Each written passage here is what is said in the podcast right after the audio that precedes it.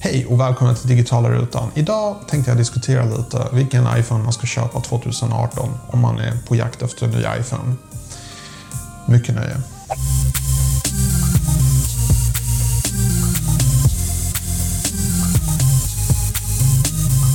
Det finns tre nya modeller. En iPhone 8, iPhone 8 Plus och iPhone 10. Det är de senaste. Det är de som har de senaste processorerna. Och vill man ha det absolut senaste, då är iPhone 10 att rekommendera. Grejen med iPhone 10 är dock att då har du ingen hemmaknapp, utan allting görs med gester och du låser upp den med ditt ansikte. För vissa kan det här vara en skrämmande teknik och jag skulle inte rekommendera det här för allihopa.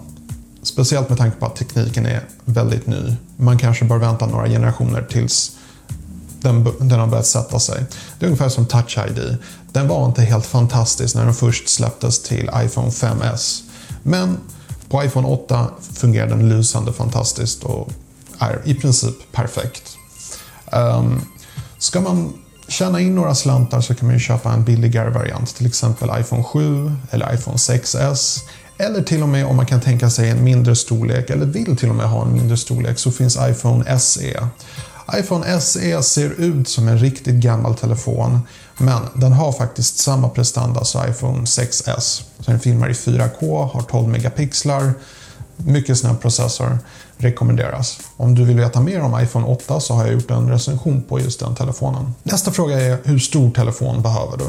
Du kan ha den vanliga storleken. Du kan ha iPhone 8 Plus som är en mycket större modell, en så kallad Fablet som har 5,5 tums skärm. Den är inte riktigt lika vänlig för dina fickor, men med större skärm så är det betydligt roligare att titta på film och surfa på nätet. Så den rekommenderas. Vill man ha någonting mer kompakt så är iPhone 8 en fantastisk storlek.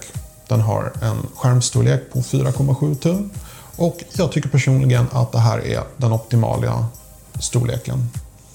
Vill man ha ett mellanting så skulle jag rekommendera iPhone 10 som inte saknar kanter, om inte man räknar den där fula kanten uppe i toppen. Um, och den är riktigt bra, det är som en mellanstorlek. Jag skulle inte riktigt vilja påstå att den är lika stor som iPhone 8 Plus. Och sen, som, som jag sa tidigare, man kan också välja eh, iPhone SE som är en mycket mindre storlek på 4 tum. När det gäller utrymme så skulle jag rekommendera minst 64 oavsett vilken modell du väljer. Visst, du kan tjäna in några slantar på att köpa på 32 GB eller 16 GB. För man har ju trots allt moln idag som Google Foton eller iCloud, Dropbox. Problemet med den lösningen är att det tar tid att ladda upp filmer och foton till molnet. Så jag skulle definitivt rekommendera minst 64 som räcker för att kunna ladda ner och installera ett par appar, filma och fota mycket. 64 GB räcker för de flesta. Är det någon som behöver 256? Tvivlar på det starkt, men det finns alltid entusiaster som kanske filmar väldigt, väldigt mycket. Slutligen, oavsett vilken mobil du väljer så rekommenderas att du skaffar ett skal som skyddar baksidan och även gör telefonen mer greppvänlig och att du skaffar ett skärmskydd gjort av glas, inte plastfilm. Plastfilm är jättebra att det skyddar mot repor och sånt, men inte mot större sprickor. Då är definitivt glasskydd det absolut bästa valet. Jag rekommenderar eh, Linocell, ett bra märke som säljs på Kjell Company. Det är lite dyrt, men det skyddar din mobil väldigt bra. Vill du ha det riktigt billigt så kan du hitta på Ebay. Jag kan sätta en länk i beskrivningen här nedan.